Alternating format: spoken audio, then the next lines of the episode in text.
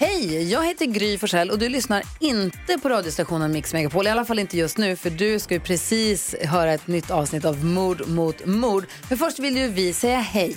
Hej, hej, det här är NyhetsJonas. Det här är Carolina Widerström. Och här är gullige dansken. Ja, och så Gry då. Och det vi vill säga att när du har lyssnat klart på den här podden, då får du gärna lyssna på våran. Vi spelar in ett nytt avsnitt varje morgon av våra podd Kvartsamtal. Och hela radioprogrammet blir ju också en podd om man är väldigt morgontrött eller så. Just det, om man missar morgonen ja. Men mest av allt så får du gärna lyssna på programmet i direktsändning varje morgon på Mix Megapol. Live varje morgon från klockan sex och då har vi med oss massor med vänner också. Thomas Bodström, Babben Larsson, Johan Pettersson, Christian Luuk. Massor med coola människor som bara dyker upp och gör livet bättre. Ja, som jag, gullige dansken. Exakt så. Och så mycket bra musik och annat skoj såklart. Så vi hörs när du vaknar på Mix Megapol. Radio play.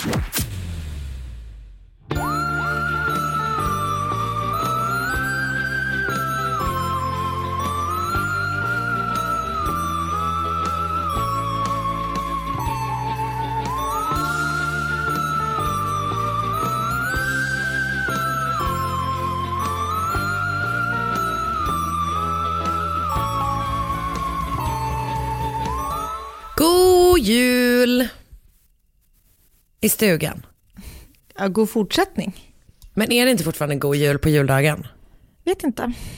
Men, men, Ja, kanske. för jag tänker att det är god jul tills annandagen och Det det sen kanske. god fortsättning, sen gott nytt år och sen är det klart va? Gott nytt år. Ja, sen är det bara, sen är det det gamla vanliga. Sen är det jobb. Det vanliga tråkiga livet igen. Fan. Fy fan. Gud. Det är är, verk- kul man redan börjar, när man, att vi börjar klaga på nästa. Men jag är verkligen så, tyvärr, som person, att så här, min första dag på semestern så börjar jag få ångest för att den snart är slut. Du behöver hjälp med det. Jag vet, det är deppigt faktiskt. Ja, Det var som eh, när vi badade bubbelpool på din möhippa. Ja. Och direkt när jag hade satt mig så blev jag orolig för när den skulle stanna och måste gå upp i poolen. Det var jättekul. Åh oh, nej, snart, den, Men för när är den kommer sluta bubbla så måste när vi man gå upp. måste gå upp, för då blir det så kallt. Ja, men det, är- det är ju sant. Mm. Ja, det är ju verkligen, verkligen sant. Men det, det var fan roligt. Ja, det var, det var Det var, det var talande på något sätt. tyvärr.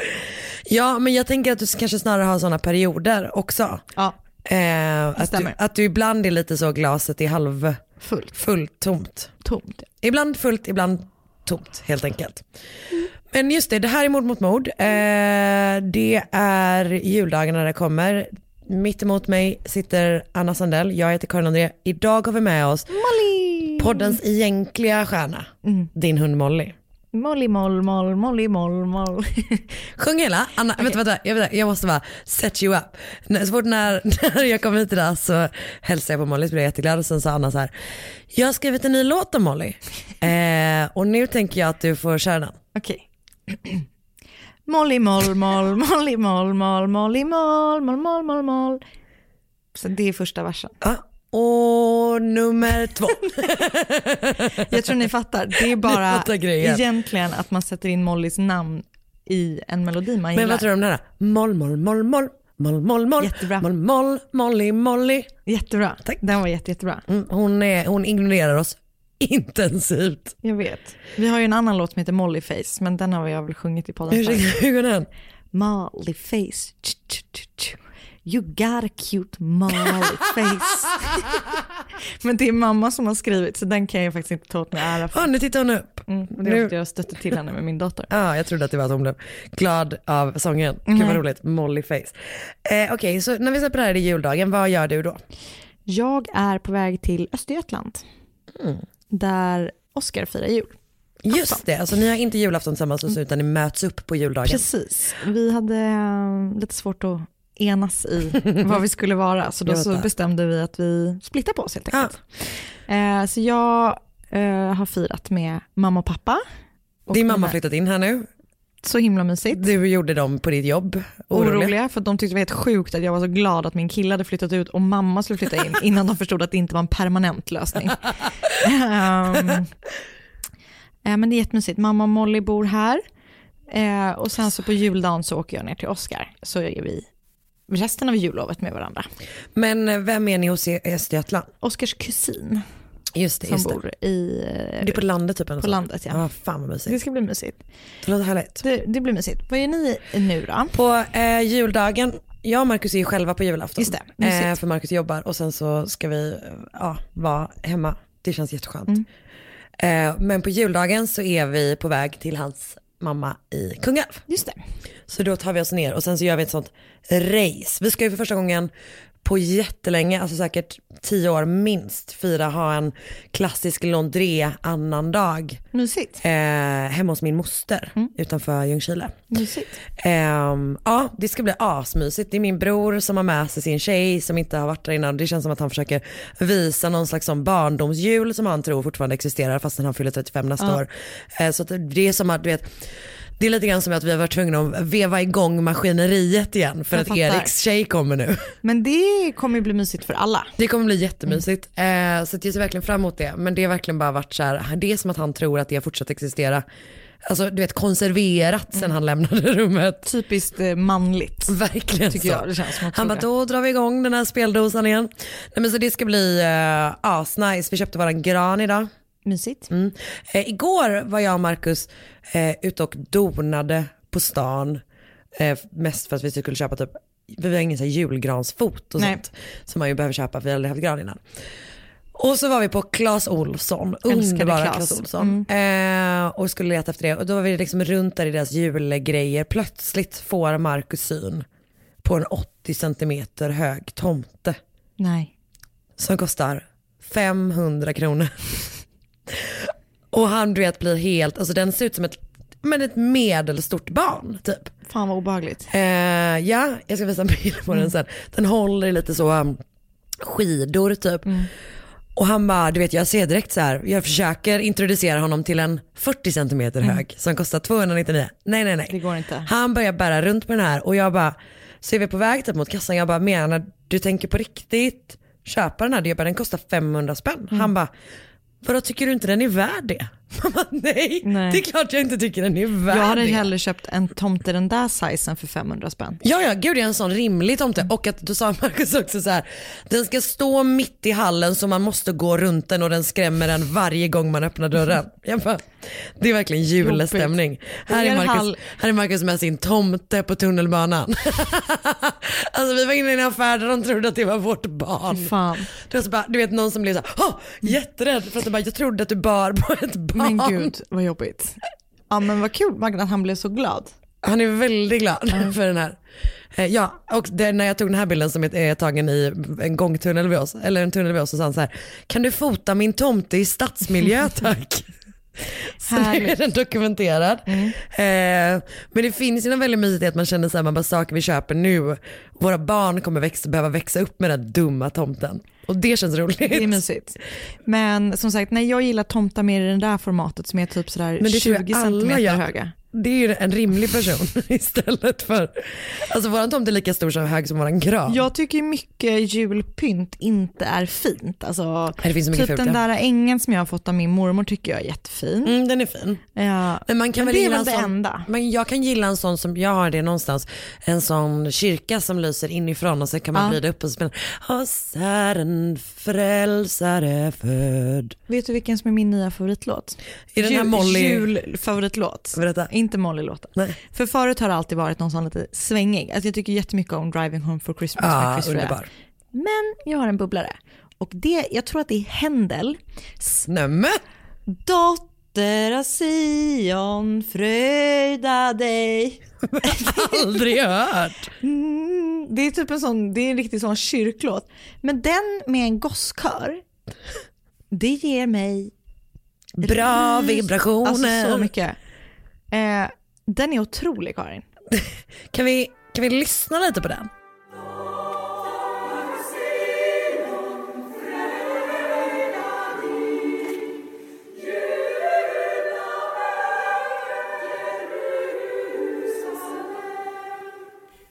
Alltså, Får man göra reklam för sådana typ, jag vet det kanske inte är en får man psalm, göra reklam för salmer? fan den är så jävla Gud, det här bra. är ett betalt samarbete med Dotter av Sion, Med med, Händel.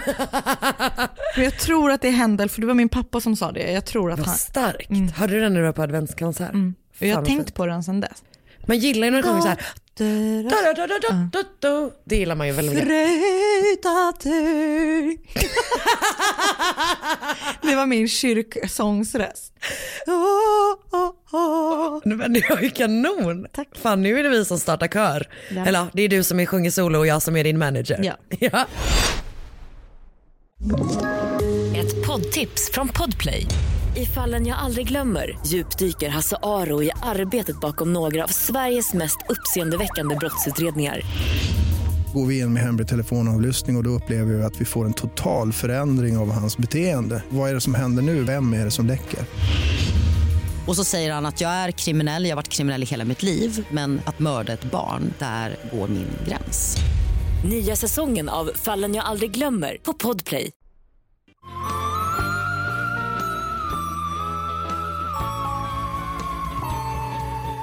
Just det, vill du berätta om eh, vårt upplägg för eh, de här två avsnitten? Visst kan jag göra det. Det kommer vara så att i det här avsnittet så berättar Karin ett fall, precis som vanligt. Och eh, sen har vi en liten, liten paus och sen så eh, kommer vi att läsa berättelser som är inskickade av er, våra lyssnare. Vi har fått jättemånga berättelser och vi har ju varit tvungna att välja några. Så att i det här avsnittet blir det fyra stycken och i nästa avsnitt blir det fyra stycken och ett fall av mig. Och det kommer då på nyårsdagen. Typ. På nyårsdagen? Exakt, precis. Eh, men jag börjar då alltså. Vänta, jag ska ta lite vatten. Dotter av Ah. Sion, fröjdatig. En sak som jag tänkte på igår när jag var på dop, vilket verkar vara min vanligaste aktivitet den här hösten, Kul. eh, är att i kyrkans tal så pratar man aldrig om dig och dem, utan det är mycket dem och dig. och Dig där. ja. Mm. Det något. Dig känns ju väldigt, för dem kanske, det låter ju konstigt men det jag skulle säga att det är vanligare att folk säger dem än att man säger dig. För det låter ju väldigt Det konstigt. låter väldigt konstigt. Men det låter ändå rätt i kyrkan. Gud ja. Ja. Jo men alltså, verkligen. Vid kvart över sex, eh, morgonen den 26 september 1986, nu inser jag att det kanske inte är, vid runt sex, cyklar en kvinna genom Central Park i New York. Hon cyklar förbi baksidan av Metropolitan Museum of Arts, eh, nära Fifth Avenue och 83rd Street, kanske. Och där får hon syn på något i gräset. Det ser ut som att det ligger en kvinna, en ung kvinna under ett träd. Och först tror hon liksom att så här, det är någon, ser ut att vara någon som ligger och sover. Men när hon kommer närmare så inser hon att, så här, att kroppen ligger i en onaturlig pose. Eh, Men hon går liksom ändå upp och cyklar ändå förbi och kollar. Ja, exakt, precis. Jag tror att hon liksom går av cykeln och, och, närmar sig sådär liksom. Ehm, så att hon inser ganska snart att det här är en person som inte längre lever eller att något väldigt fel har hänt liksom. Och ringer polisen. Och snart kommer de dit och bara ett par timmar senare så har de en bekräftad identitet på offret. Det är 18-åriga Jennifer Dawn Levin. 18 år. Ja, jag vet, det är så jävla lugnt. Eh, Jennifers kropp är illa tilltygad. Hon har liksom väldigt så här, du vet, röda märken runt halsen och typ så här rivsår i ansiktet. Hon har också något, eh, hon har blåmärken i ansiktet liksom och hon har, alltså ett öga är typ nästan igen svullet liksom. Eh, hennes kläder är liksom i oordning, typ tröjan är uppdragen, eh, kjolen är också lite uppdragen tror jag och man hittar hennes underkläder typ 30 meter därifrån. Hon har blivit strypt, eller kvävd. Eh, och polisen misstänker också att hon har blivit våldtagen. Och det de inte vet när de liksom jobbar på brottsplatsen är att gärningsmannen iakttar dem. Nej. Från alldeles i närheten. Och de vet heller inte att mordet de just ska börja utreda kommer bli ett av New Yorks mest uppmärksammade fall någonsin. Känner du igen det? Nej. För jag pratade med dig om det här. Att, alltså, jag, det har känts typ sjukt. Alltså, jag har varit så här, men vi måste ha gjort det här fallet. Alltså vi måste ha gjort det. Eh, så att jag, du vet att jag har liksom googlat flera gånger på för att jag varit så himla, himla nojig. Det här är alltså eh, The Preppy Killer, eller The Preppy Murder. Som är så um, super, innan, innan O.J. Simpson så kallar man det här för The Trial of the Century typ. Ja, ja. Ehm, Men alltså jag har ingen aning. Jag tror att du kommer fatta, för då sa jag så här, bara, det här känns som ett annat fall. Ja. Och det finns två olika anledningar till det. Ja, jag är Eh, väldigt spänd på att få höra. Ehm, ja. Jennifer Levin föds den 21 maj 1968 och bor under sin uppväxt i Port Washington på Long Island, New York. Och mest så bor hon, eh, eller först så bor hennes liksom, föräldrar tillsammans i Port Washington och sen tror jag att hon bor med sin mamma ett tag innan hon i eh, åt- 1985 flyttar till sin pappa som bor inne i New York. Han bor i Soho och bor där med sin nya fru typ. Så hon flyttar in hos honom. Och där börjar hon på Baldwin som är en liten exklusiv privatskola. Eh, och snart är hon alltså en del av en scen där liksom så här, unga, rika New York-bor lever som så här dekadenta vuxna. Drömmen. Jag vet. Alltså kan, jag hade gärna sett en eh, eh, eh, reality-serie Alltså, om det här, 85 Ja, ja, nej alltså verkligen. För att det är så här, de är, du vet, de är så här, de är liksom 17 år gamla och har kreditkort och typ tar Mm. Det är som kokain. Chelsea, vad heter de? Jag kommer inte ihåg, jag ska komma på det. Det är som Gossip Girl. Ja fast det finns, det finns en sån reality-serie som utspelar sig i London som heter typ Chelsea någonting. Ja med massa rikingar. Ja, som också är typ så 17, att man bara, ni är alldeles för unga för det här. Ja, Bara, ja. Gå och Och grejen är typ gör att, något annat. Ja, verkligen. Gör något annat. Eh, och att de liksom är så här. Ehm, ja men det är så jävla spännande. Och typ hela New York hela den här tiden. De är ju de är liksom så här 18 år gamla, är på typ Studio 54. Fanns det kvar 1985? Ja, jag tror att de gjorde, för de gjorde typ en riktad insats gentemot De just här, den här målgruppen typ. Eh, och de, de Det är- känns som att det var passé på 80-talet. Ja, nej men exakt. Så jag tror att de fick liksom dra Ja, igång det fattar. igen. Typ. Mm. Ehm, Jennifers pappa är framgångsrik mäklare så att de har, alltså, de har ju bra med pengar, det är ju inte det. Han var liksom. Fredrik Ekelund of, Exakt, precis. of the days before. Ja men precis. Ehm, hon har inte alls samma typ av ekonomisk situation som hennes kompisar har. Nej, okej. Hon är inte liksom så här, hon kommer inte från pengar, hon är inte den upper east side Nej. världen liksom. Hon är väl så Jenny from Hudson. Fast inte. Ehm, men hon är liksom, hon verkar vara men är mer en vanlig tjej även om hon, hennes pappa uppenbarligen, de bor i Soho. Alltså så här, Det är inte det att de inte har pengar, Mm. Nej. men de har inte de här obegränsade Nej, mängderna nej. pengar. Liksom. Men hon är hon embracear typ den här scenen helt och hållet liksom och alla älskar henne. Hon är verkligen så här, hon beskrivs som magnetisk typ. Hon är rolig och smart, hon är härlig, hon är verkligen så kul att vara med. Men hon har så här, heller inga problem att typ säga ifrån om hon tycker att någon är, något är fel Nej. eller så här. Hon, eh, hon gör helt okej ifrån sig i skolan men beskriver sig själv som att hon är street smart, inte book smart. Som man relaterar till. Mm, verkligen, förutom att jag är 0% street smart. street stupid. Våren 86 så är Jennifer 18 år gammal. Hon har så här brunt hår i page. Alltså hon ser verkligen ut som en, så här, en ung fresh-faced 80-tals person. Liksom. Eh, hon är 1,63 lång, hon är liksom vacker och går då sitt sista år på high school. Och hon har siktet inställt på college och blir antagen till Chamberlain Junior College som jag tror ligger någonstans vid Boston. Och hon drömmer om att jobba med mode i framtiden som designer. Under sommaren så jobbar hon på en restaurang eh, i stan tror jag och så fortsätter hon liksom festa och så här, träffa killar och leva sitt 18-årsliv men liksom i någon slags så övermaxad New York-tappning typ. Hon har någon pojkvän men du vet de träffar lite andra liksom. Alltså så här, hennes- Som, ja, Ja. som man är. Ja men exakt, alltså verkligen så. Hennes vänner beskriver det som att she really fully enjoyed the beauty of New York, the friendships that she made. Den 25 september är en torsdag och Jennifer håller på att förbereda sig för att börja college veckan efter.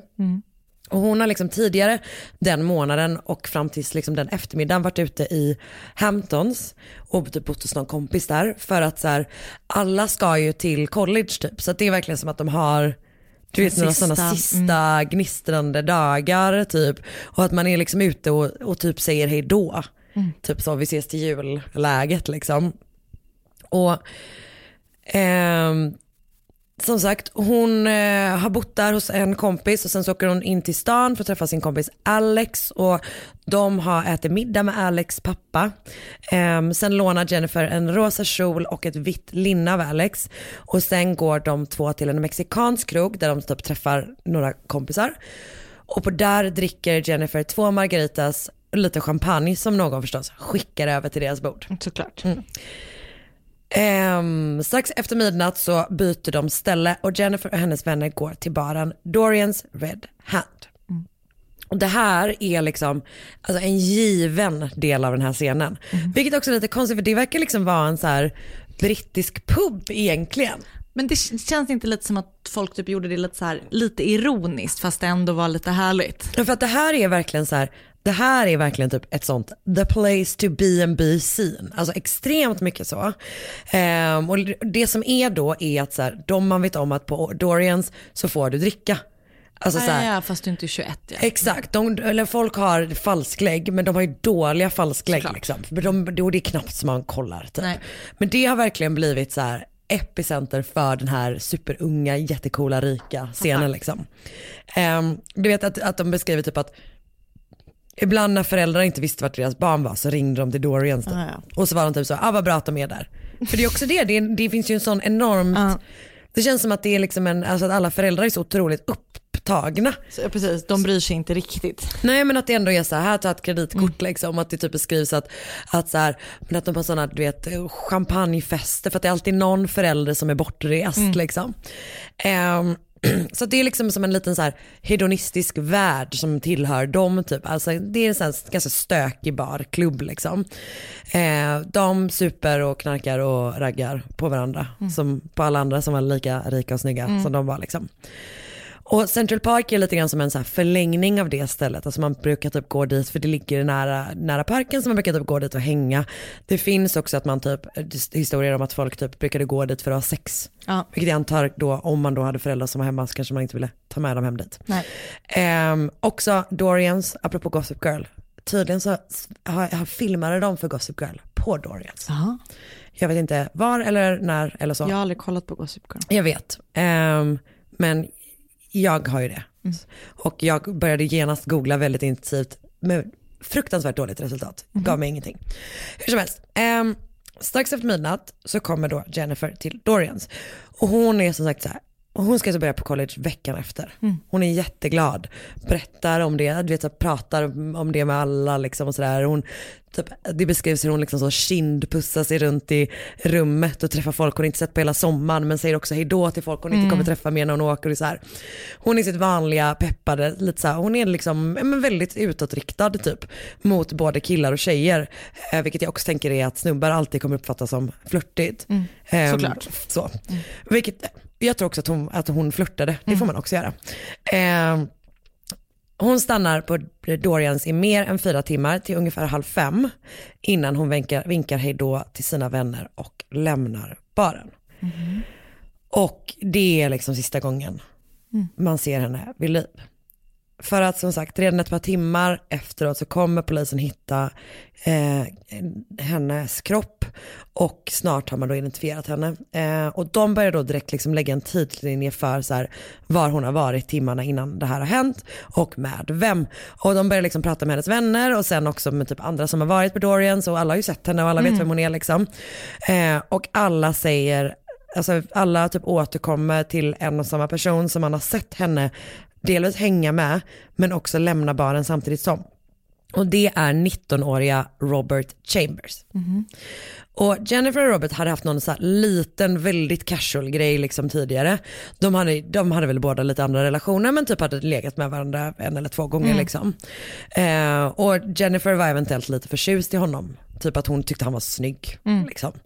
Ehm, och nu säger då folk att så här, ah, hon har lämnat Dorians med honom mindre än två timmar innan hon har hittats död. Okej. Så vid 14 samma dag, så det går ju väldigt snabbt liksom, det är sex timmar efter man har hittat henne, så knackar polisen på hemma hos Robert Chambers och han är, alltså hela hans ansikte och hals är liksom fullt av Nej. rivsår. Polisen bara, hur har du fått det här? Han bara, eh, jo men det är ju så att eh, jag har ju katt va? Man bara, you stupid fuck. Det har du inte. Jo, grejen är att han, har har det. det. Fan. Men vet du vad, de har, de har tagit bort den kattens klor. För det är ju en grej man gör i USA, att man declaw. Är det sant? Ja, det är så jävla sjukt. Så jag vet, nej det är vidrigt. Så att de bara, aha, jag gillar tanken på att de vet, springer in Får vi med katten. se på klorna? Exakt, springer in med katten i förhörsrummet, lägger den i en sån brun påse. stackars katt. Ja jag vet, men det den, ja jag vet, den, katter behöver sina klor. Mm. Och katter borde riva sådana här personer. Hur som helst, han erbjuder sig att följa med polisen till stationen och prata med dem där. Och eh, gör då också det. Han kommer att förhöras till typ klockan 10 samma kväll. Jag tror inte att han har någon advokat utan att han tackar nej till det. Liksom. Han är väldigt så avslappnad under hela förhöret. Typ att han blir Okej. lite irriterad för att han tycker att det är liksom waste of fucking time. Att de ska vara där liksom. Um, och han ändrar sin historia typ många, många gånger. Delvis då när det kommer fram att den här katten inte har några klor. Um, så att han säger, först säger han, eh, eh, det här med katten, han säger att de inte lämnade baren samtidigt. Och sen säger han att de lämnade baren samtidigt men att Jennifer då åkte till en kille som hon har dejtat, alltså typ tog en taxi. Eh, och sen säger han att de hade lämnat baren, börjat gå tillsammans men skilts åt för att hon skulle typ köpa cigg. Okej. Och det visar sig snart att hon inte röker heller liksom. Så att det fortsätter så. Sen säger han typ så han bara, jag, eh, nej men vi började gå tillsammans typ eh, i riktning mot parken. Och då kallar polisen in, eh, för att de vill verkligen att allting ska gå så jävla rätt. För redan nu håller media på att bli superintresserade. Såklart. Så att då tar de in eh, alltså, åklagaren som är typ med under, under, under förhöret och de bestämmer sig för att spela in det. Och, han vill fortfarande inte ha någon advokat. Liksom. Nej det verkar inte som det, men det är väl också, det känns ju också jättekonstigt liksom. Ehm, till slut då så, ja men de bara nu ska vi filma det här, eh, det, den här historien typ. Och då vänder historien en gång till. För till slut så landar han då i någonting som kommer att finnas med under alltså, en hel jävla mediecirkus, en hel rättegång och som kommer lägga grunden för att hans advokater använder sig av ett sånt alltså, extremt slutshameande och victimblamande försvar. Eh, för att svartmåla Jennifer Levin. Han säger att han råkade döda henne under rough sex. Eh, enorma air quotes. För, och han säger då att det är på hennes initiativ, det här rough sex grejen liksom. Eh, så att nu, det här är vad han, det här är vad han säger under det här erkännandet. Han säger då till henne när de går in i parken eh, att han inte var intresserad, och, och det här är ju hans historia uppenbarligen, att han inte var intresserad av att träffa henne mer, alltså bara typ såhär de två, utan hon bara, han bara såhär, om vi ses så kommer det vara på Dorians typ, det kommer inte vara något mer än så. Och då blir hon rasande och hoppar på honom och river honom i ansiktet och på halsen. Okej. Sen går hon och kissar. Sen kommer hon tillbaka och börjar liksom så här ragga på honom. Och ber då om att de ska ha rough sex. Han säger att hon knöt ihop hans liksom händer bakom hans rygg tror jag, eller framför, det vet jag inte, eh, med sina trosor. Och att hon sen satte sig gränsle över honom och började, om man säger, ta på honom. Och att Robert ber henne att sluta, men hon gör inte det, utan istället så, så här, trycker hon typ naglarna i hans pung. Och då gör det liksom jätteont och han typ kommer loss och griper liksom tag om hennes nacke och slänger henne över sig så hon dog. Men va? Och han ringer då inte polisen eller försöker fixa en ambulans eller så här, utan han bara lämnar henne där. Men han står alltså typ precis vid Metropolitan Museum of Art och typ kollar på polisen när de liksom jobbar på den här scenen. Typ. Men fan vad start. Jag vet, det är verkligen extremt. Jag vet, det är en, en otroligt märklig historia. Några saker med den. Delvis är alltså polisens reaktion på det faktum att han säger att han har blivit utsatt för ett sexuellt övergrepp är helt sjuk. De säger så här, de bara, du är den första mannen någonsin som har blivit våldtagen i Central Park. Alltså de, är, de kan inte förstå att en man kan bli sexuellt ofredad liksom, eller våldtagen, vilket vi ju vi självklart vet att en man kan. Eh, så det är verkligen, de är gro, jättegrova i, i liksom, eh, åt det hållet. Med det sagt, Jennifer har liksom strypts. Alltså hon har kraftiga blåmärken i ansiktet, på halsen. Hon har, eh, alltså rättsläkaren säger senare att mördaren har använt mycket kraft mot hennes hals över ganska lång tid. Fy fan. Och det han säger liksom bara att det är så här, hände typ. Det känns inte superlikely helt enkelt. Så Robert Chambers då, tänker jag ge er lite bakgrund på honom. Han är född 66, han är typ två år äldre än henne, ett, ett och ett halvt år någonting. Eh, och de har en grej gemensamt. Trots att de båda två hänger med de här superrika kidsen så kommer ingen av dem från liksom, stora pengar eller inte, har inte samma typ av bakgrund. Så Robert bor själv med sin mamma sedan två år tillbaka. Hon har eh, kommit till USA från Irland och arbetar som sjuksköterska. Men liksom privat i folks hem. Typ. Och det som är, hon har verkligen så här sett till att han ska få tillgång till en värld som hon inte haft tillgång till. Typ. Eh, hon jobbar verkligen stenhårt för att han ska få typ en annan socioekonomisk position än vad hon har haft. Liksom. Så att hon så här, säkrar stipendier, hon skickar honom till, eh, ja, men typ till fina skolor därigenom, hon ser till att han går i rätt kyrkor, hon liksom ser till att han är sån eh, korgosse. Heter det så? det kommer kommer jag ihåg sist vi pratade om det. Ehm, men hon börjar också typ använda, för att hon är liksom eh, lite grann så nurse to the power people liksom. Så hon börjar också använda sig av liksom, kontakter som hon får i sitt yrke för att så här, se till att han träffar rätt folk helt enkelt. Så bland annat har hon en playdate med JFK Jr när han är liten. Och de bor också precis vid parken. Så att jag tror att de jag tror att de bor på Park Avenue någon period liksom. Så det, det är inte det att de är utfattiga på något sätt men de är återigen jag inte på samma sätt liksom, som, som de andra i crowden. Alltså Robert har typ det mest amerikanska ansikte jag någonsin har sett. Alltså det är väldigt roligt för jag ser framför mig en person som jag känner. Bes, beskriv. Ja, men, han är så lång och blond eh, och ser lite så här jock-aktig ut. Alltså han, han är inte blond, han är eh, brunhårig men han har ett sånt där gigantiskt amerikanskt ansikte. Mm, okej. som jag ska visa dig nu. Eh, men han är verkligen 100% jockey dude. Ja. Alltså fattar du vad jag menar? Mm, Ett sånt absolut. gigantiskt amerikanskt ansikte. När, du vet en sån jättekraftig chak, chaka. Det var blandning mellan käke och haka. Bra ord. ja. Så, han, han ser ju verkligen ut som ett helt roddlag. ja, ja, absolut. Det är verkligen den stilen. Bra, bra sagt. Ehm, han är nästan två meter lång, han är populär bland tjejerna ändå. Och han är det trots att han, eh, eller kanske i vissa fall, på grund av att han är, vilken konstig mening. Tack vare att Tack han vare, exakt. Eh, trots eller tack vare att han är lite av ett fuck up. Och först så är han inte det. Eh, först går det liksom jättebra för honom. Han går i så bra skolor och eh, ja, men du vet, är jätteduktig, typ athlete och sådana saker och är smart och, det, och är duktig i skolan liksom. Men under tonåren så börjar han typ dricka och röka weed och sen börjar han ta cola och ecstasy och lite sådär. Och han börjar också stjäla. Vilket är antagligen, det hänger väl ihop med att han behöver betala för sitt festande. Så att han stjäl liksom värdesaker typ. Han blir utsparkad från flera olika, flera olika skolor.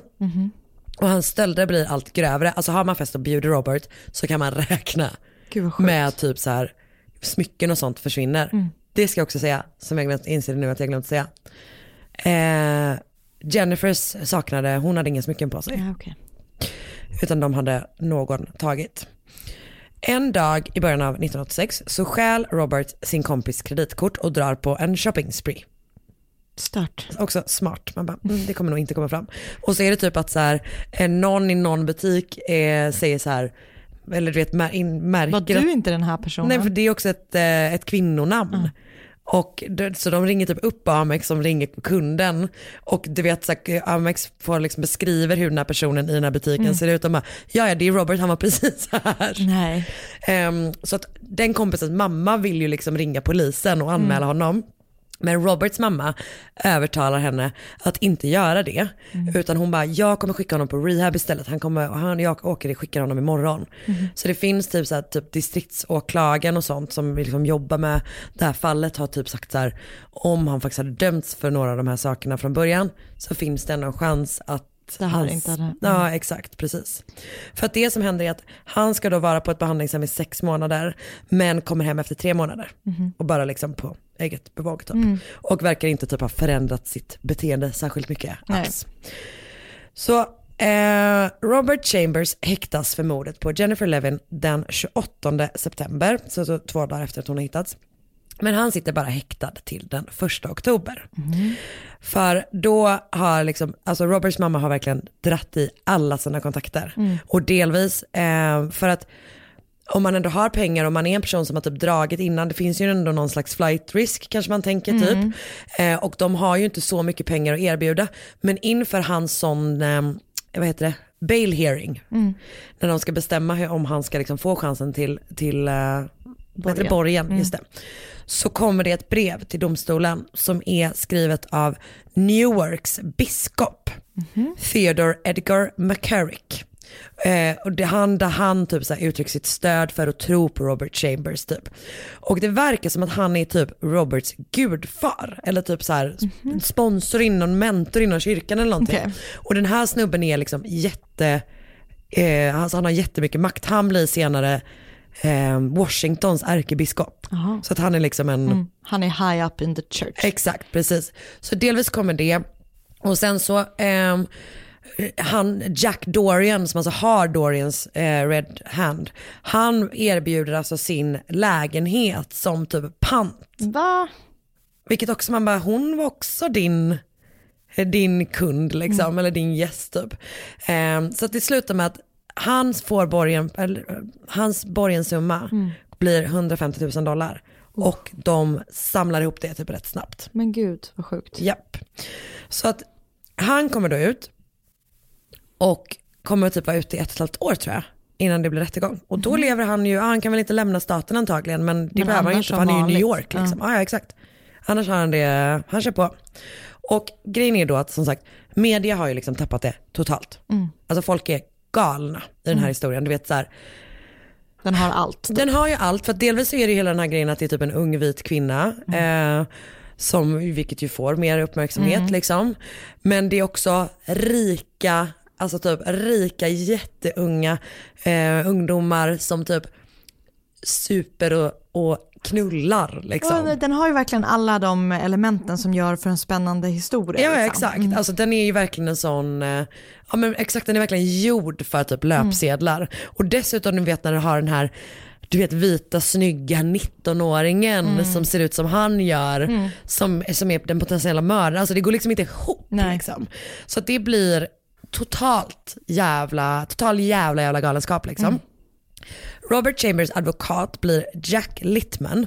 Han har ju blivit känd för att han fått en snubbe som med upprepat grovt våld med trubbigt föremål eh, dödat sitt ex att bara bli dömd för manslaughter. Jaha. Och han gör ju då det som egentligen eh, Robert har lagt grunden för i sitt erkännande. Alltså han går på Jennifer så jävla hårt. Och målar samtidigt då upp Robert som en så här otroligt fin ung man. Liksom. Så den 4 januari 1900 1988, typ ett halvt år efter, ehm, så inleds rättegången som ska hålla på i 13 veckor. Och det är liksom första sidnyheter konstant. I rättegången som sagt så målar liksom Jack Whitman upp Jennifer som en så här promiskuös typ sexgalning som hade liksom rough sex med vem som helst typ.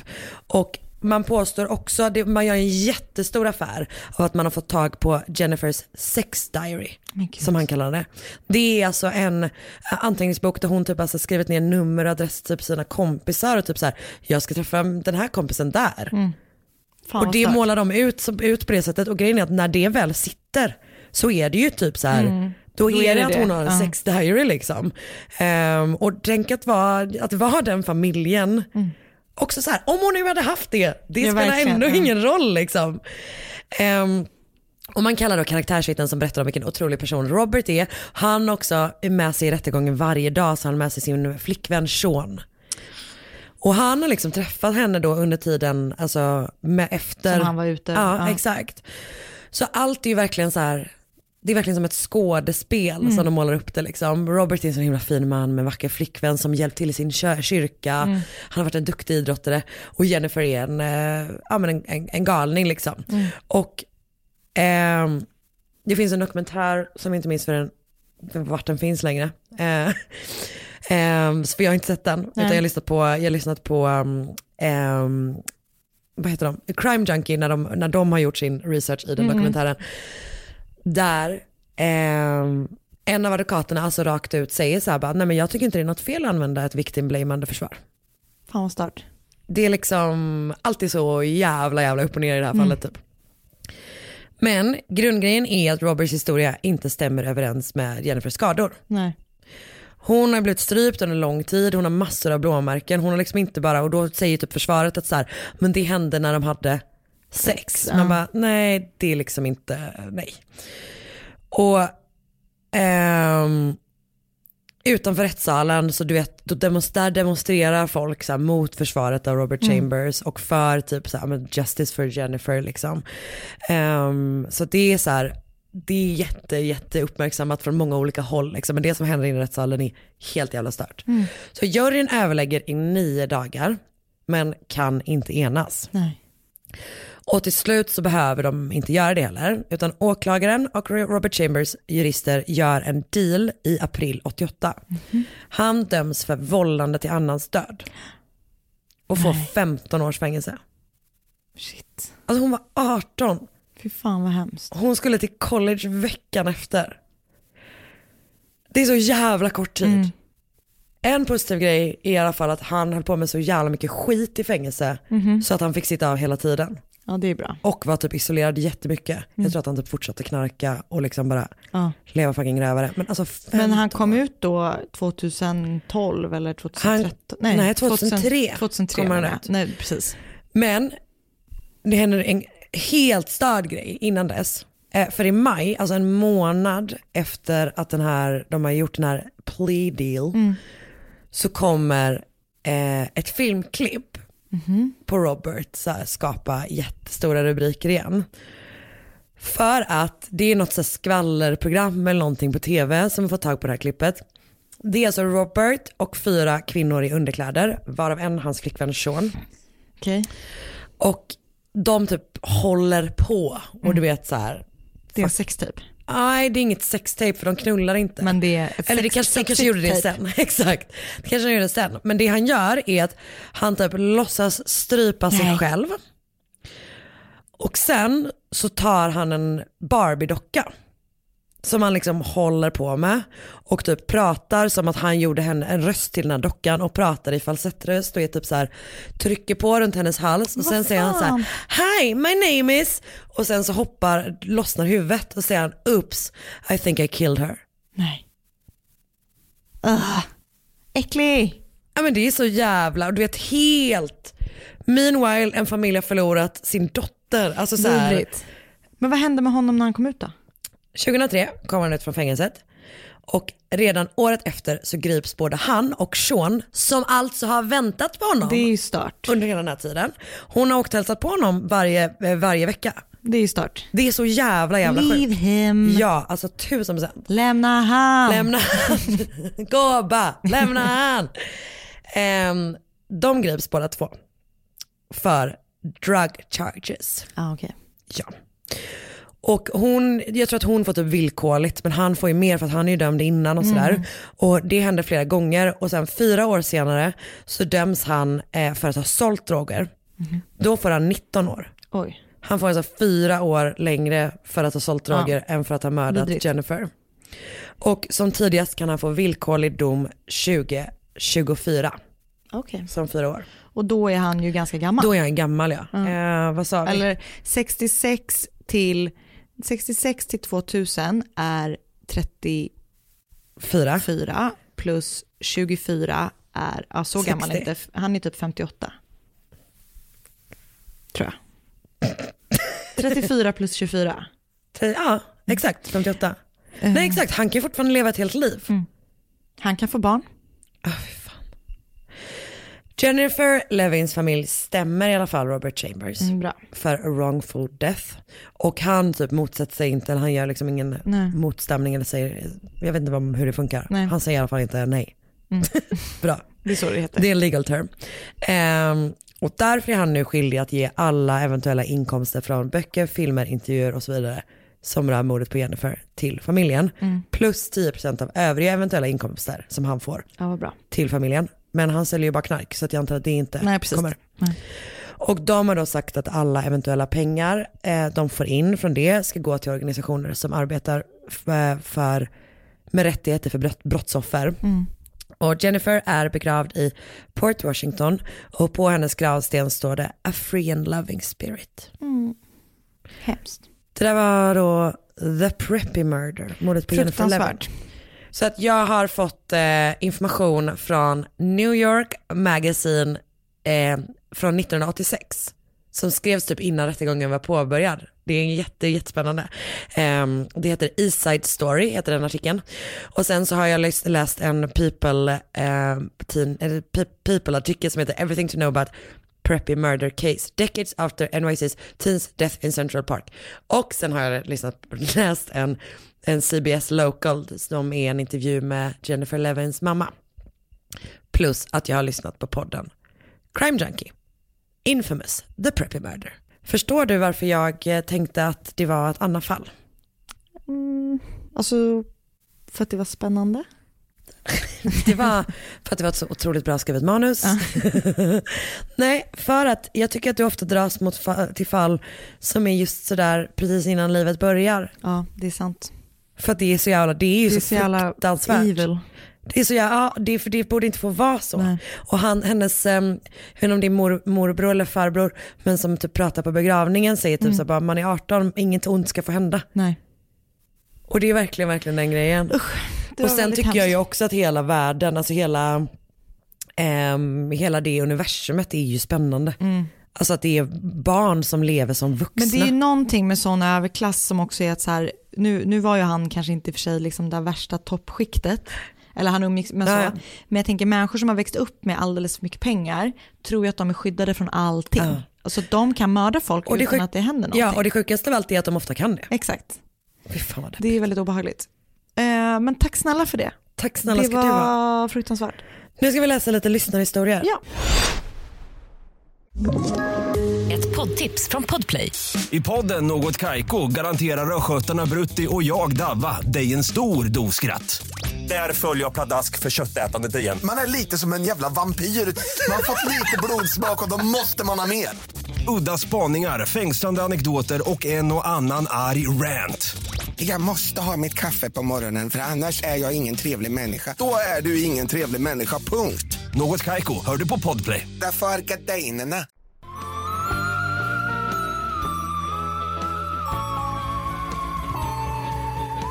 Okej, du börja? jag börjar. Eh, Anna och Karin. Det som ni kommer läsa är 100% sant och utspelar sig för nästan exakt åtta år sedan. Gud, alltså när man säger så, det här är 100% sant. Då fan vad man tror att det inte är sant då. Ja. Okej, men jag kör ändå. Ehm, jag bodde på den här tiden i en liten by i södra Sverige. Invånarna kunde räknas på två händer och många av dem var mycket äldre än mig. Alltså tio invånare då. Det låter ju trist. Vänta, man kanske kunde räkna det på alla i byns händer tillsammans. Exakt. Eh, när sommaren kom och folk började samlas i sina sommarstugor blev det därför mycket roligare att bo i den här lilla skogsidyllen. Plötsligt hade även jag någon att leka med. Sommaren 2011 var jag 12 år gammal och mina föräldrar lät mig för första gången gå ut på egen hand. Precis intill vår gård fanns en liten sjö som jag och mina sommarkompisar badade i varje dag. Allt det här låter än så den länge sommaren. otroligt mysigt. Vi brukade även tvätta håret i sjön. Det gillar jag inte att göra, men okej. Eh, och jag minns hur det många gånger inte blev riktigt rent. Nej, precis. Det är därför jag inte gillar det. Bra, då tycker vi samma. Ehm, Det är kul att du, bara får, att du blir bekräftad meningen efter. Det var det jag menade. Eh, Den 22 september vaknade Sverige till nyheten om att en man hade hittats mördad i Färpesjön. Precis den sjön jag hade badat i hela sommaren. Vänta, vänta, vänta. Vilk, vilket datum sa vi att du, att, 22 september. alltså det är precis efter sommaren. Att känna en människas hand på botten i det mörka vattnet som vi så många gånger... Eh, att känna en människas hand på botten i det mörka vattnet som vi så många gånger badar här i Sverige är det inte alltså helt osannolikt. Alltså att göra det när man När badar, man badar. är inte helt osannolikt. Ugh. Det är bara ett under att det inte var jag som upptäckte liket den här gången. Fy fan. Tack för att ni tog er tid att läsa detta och framförallt tack för en jättebra podd. Jag tror att ni har tagit upp detta fall tidigare. Jag tror inte ni har tagit upp detta fall tidigare, men jag kan ha fel. Nej, du har rätt. Hoppas ni tyckte om min lilla historia. Kram på er. tack snälla för det. Det var fruktansvärt. Jag, hade, jag mår illa av tanken att du har badat och tvättat ditt fina hår där. Och jag är väldigt ledsen eftersom att bada är det bästa jag vet men nu kommer jag aldrig våga göra det igen. Exakt. Jag är ju fan, jag är ju liksom rädd för gäddor. Jag med. Men nu är jag ju Och rakt av- hajar även i insjöar. Man Gud, vet aldrig. ja. Men däremot måste jag säga att jag är nästan mer rädd för lik i sjö än hav. Ja det är jag också för där, i Det havet, känns som det ligger där. i havet flyttar det ju på sig. Ja exakt men det, det kan ju betyda att någon kan flytta sig till där vi badar. Eh, men det känns inte lika läskigt. Okej, jag kör. Hej, tack för grym podd. Tack. Jag har två små berättelser som jag vill dela med mig av.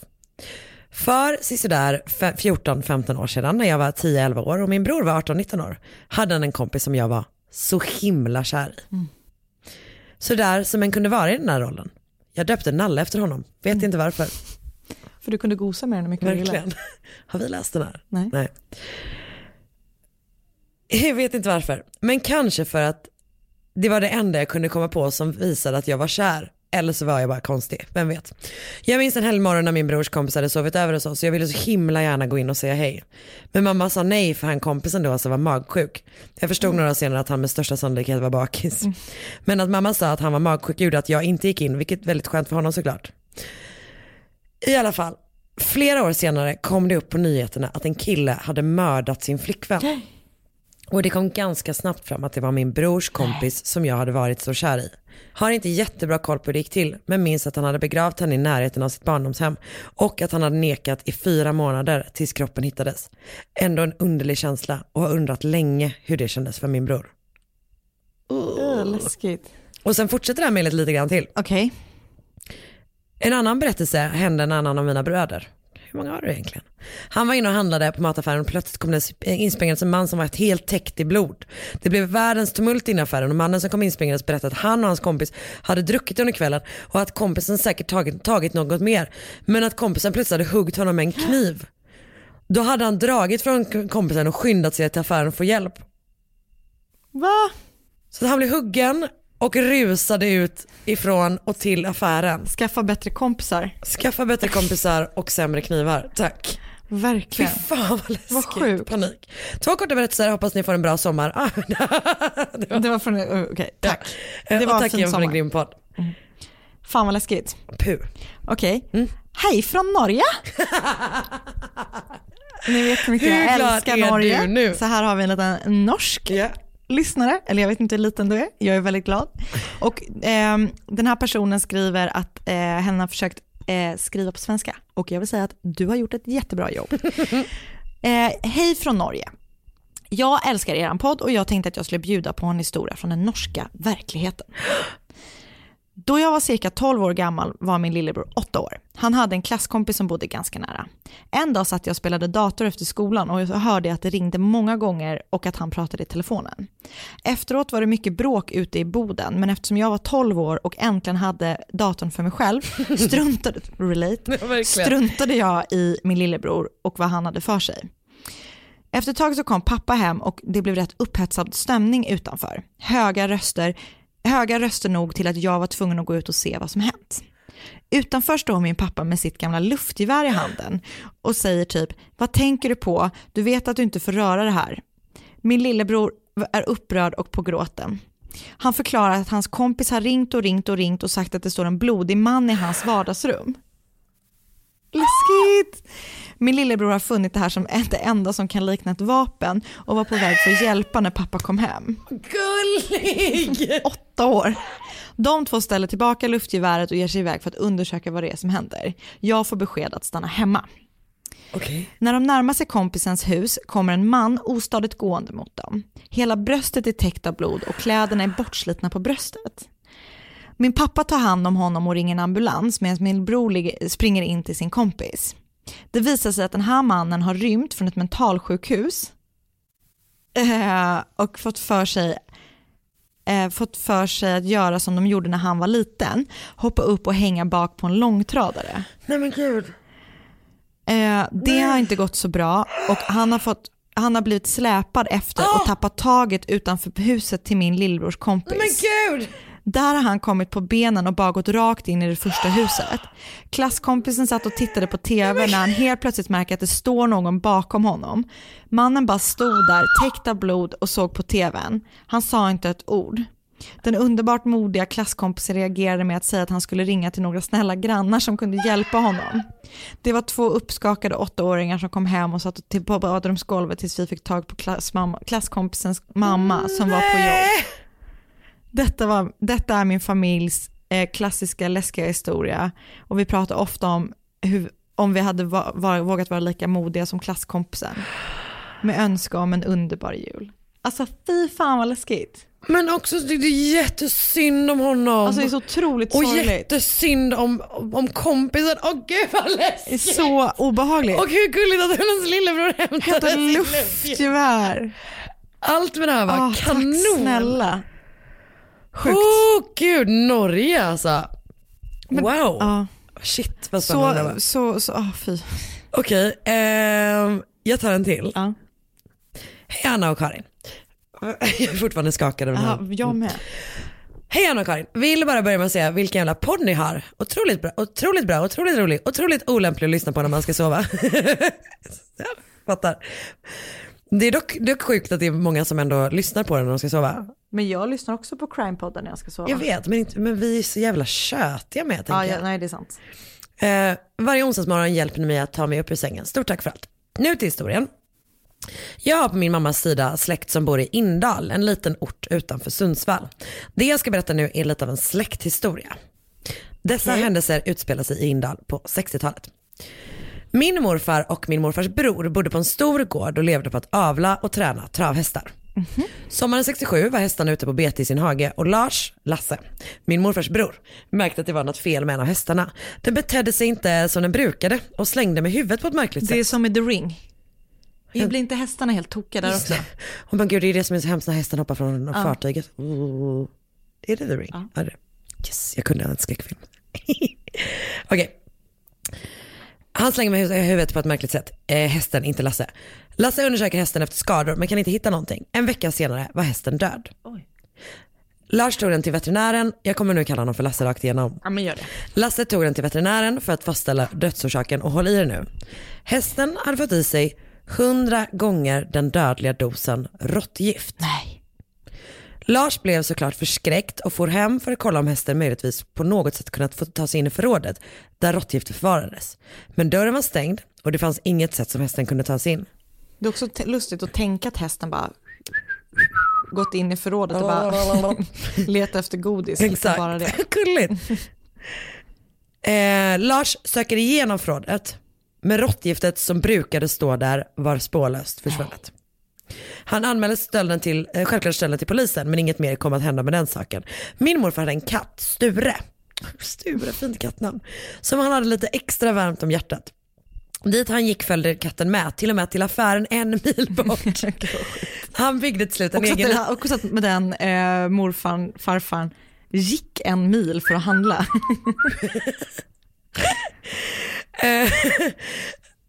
Ska vi se, Ja, vi kommer få reda på lite mer om katten här nu. Eh, han byggde till slut en egen liten sele så han kunde ta med sturet när han skulle cykla till jobbet. Gud, jag älskar det här. En dag när morfar vaknade och öppnade ytterdörren för att släppa in Sture så var han inte där. Nej. Detta tyckte morfar var konstigt men tänkte att Sture säkert skulle komma tillbaka senare under dagen. När han inte sett still på två dagar gick morfar ut och letade men hittade inga spår. Han gick till grannen bredvid men hon hade inte sett något. Sedan gick han till nästa gård och de hade minsann inte sett någon katt men deras hund var borta. Den hade morfar inte sett. Åh nej, våran hund är här, det är bra. Åren gick och det fortsatte försvinna djur på gårdarna runt Indal. Det försvann bland annat två kor och tre getter under hösten 68. Fast forward till 69 så står det så här. Bra. 1969 gick en flicka vilse i skogen och det påbörjades en sökaktion efter flickan. Vad sökdrevet skulle hitta kunde ingen ha trott. Ett stort hål, en och en halv meter i, i diameter, två meter djupt, var fyllt Nej. med kvarlevor från olika djur. Bland annat återfanns skelettet av två kor, tre getter, fem hundar och en liten katt. Det blev hysteri i byn och till slut kom det fram att en man hade rymt från Sidssjöns sjukhus utanför Sundsvall. Vid öppnandet av den beryktade avdelningen Specialen där patienter behandlades för psy- psykiska sjukdomar. Eh, och där hade en man fall, fallit mellan stolarna och tagit tillflykt till den lilla byn Indal. Otroligt läskigt när man tänker på hur illa det hade kunnat gått, speciellt när det ligger nära släkten. Det var det jag hade att dela med mig av. Älskar att höra er podd och ha en skön semester. Det här är också en gammal. Med vänlig hälsning Jonathan. Fan vad läskigt. Åh gud, också bara paniken. Åh! Väldigt läskigt. Ja, också bara för att det är läskigt. Vad att hände med lilla flickan då? Jag tror att det gick bra. För, för jag, först när jag läste lite snabbt, jag bara nej jag vill inte läsa Nej. om det. Men jag tror att det bara var att det var det som var resultatet Ja, av att jag man letade efter henne. Var att man också hittade Fy hålet. obehagligt. Jag tänker, mm, inte nice. Inte nice någonstans. Okej, ehm, Ja, det var allt från oss den här veckan. exakt. Vi hörs nästa år. Det gör vi, fett kul. Fett, fett kul det blir. 2020. Go, god jul. God fortsättning. God fortsättning. Ett poddtips från Podplay. I podden Något Kaiko garanterar östgötarna Brutti och jag, Davva, dig en stor dos skratt. Där följer jag pladask för köttätandet igen. Man är lite som en jävla vampyr. Man har fått lite blodsmak och då måste man ha mer. Udda spaningar, fängslande anekdoter och en och annan arg rant. Jag måste ha mitt kaffe på morgonen för annars är jag ingen trevlig människa. Då är du ingen trevlig människa, punkt. Något Kaiko, hör du på Podplay. Därför är gardinerna.